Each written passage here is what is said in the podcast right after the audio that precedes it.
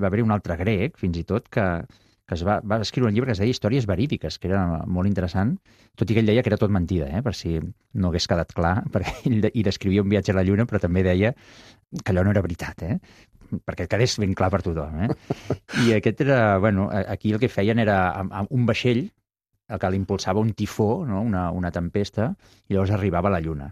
I allà hi, hi descobrien coses molt curioses, com uns éssers que filaven metalls i vidre i es feien vestits, feien bueno, tota mena d'estris amb metall i vidre, es treien i es posaven els ulls, una cosa molt estranya, i s'alimentaven de l'aire, literalment. Eh? Agafaven aire, l'exprimien com si fos una taronja i llavors es bevien el suc de l'aire, no? que són aquestes idees tan, la imaginació poètiques. sí que és infinita. Clar, la imaginació eh, potser és el que té menys límits, no?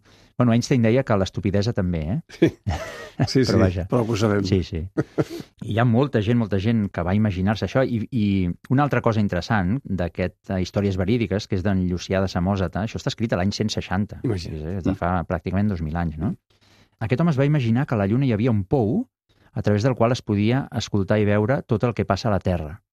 No? Eren com una mena de- d'espies, oracle. aquesta gent, no? I, I hi ha gent que això ho ha interpretat com una mena de previsió o avançament a la idea de ràdio, de televisió, etc etc. no? Tòticament.